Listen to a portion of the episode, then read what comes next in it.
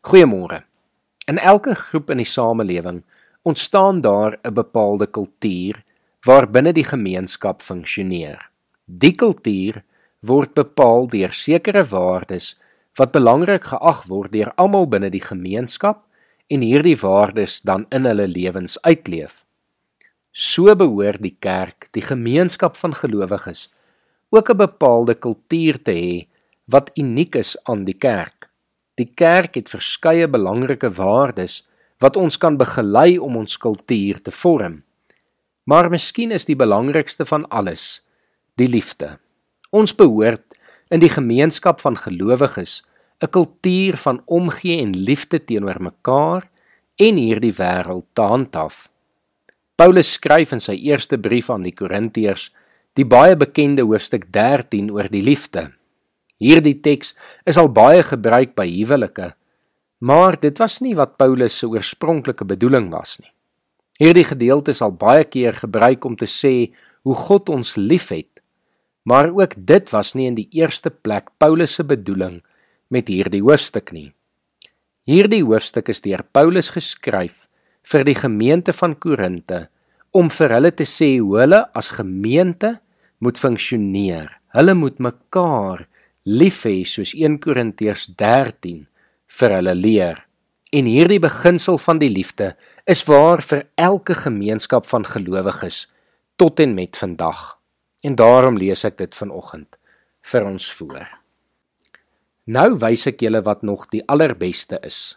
Al praat ek die tale van mense en engele, maar ek het geen liefde nie, het ek 'n stuk klinkende metaal, 'n galmende simbaal geword al het ek die gawe van profesie en ken ek al die geheimenisse en besit ek al die kennis en al het ek al die geloof om berge te versit maar ek het geen liefde nie dan is ek niks.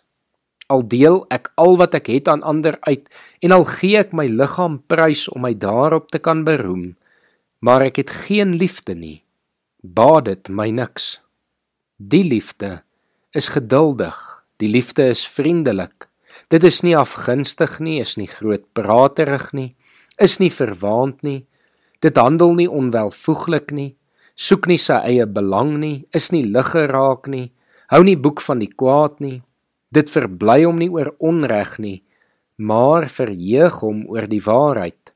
Dit bedek alles, glo alles, hoop alles, verdra alles. Die liefde vergaan nooit nie. Maar die gawe van profesie sal verdwyn.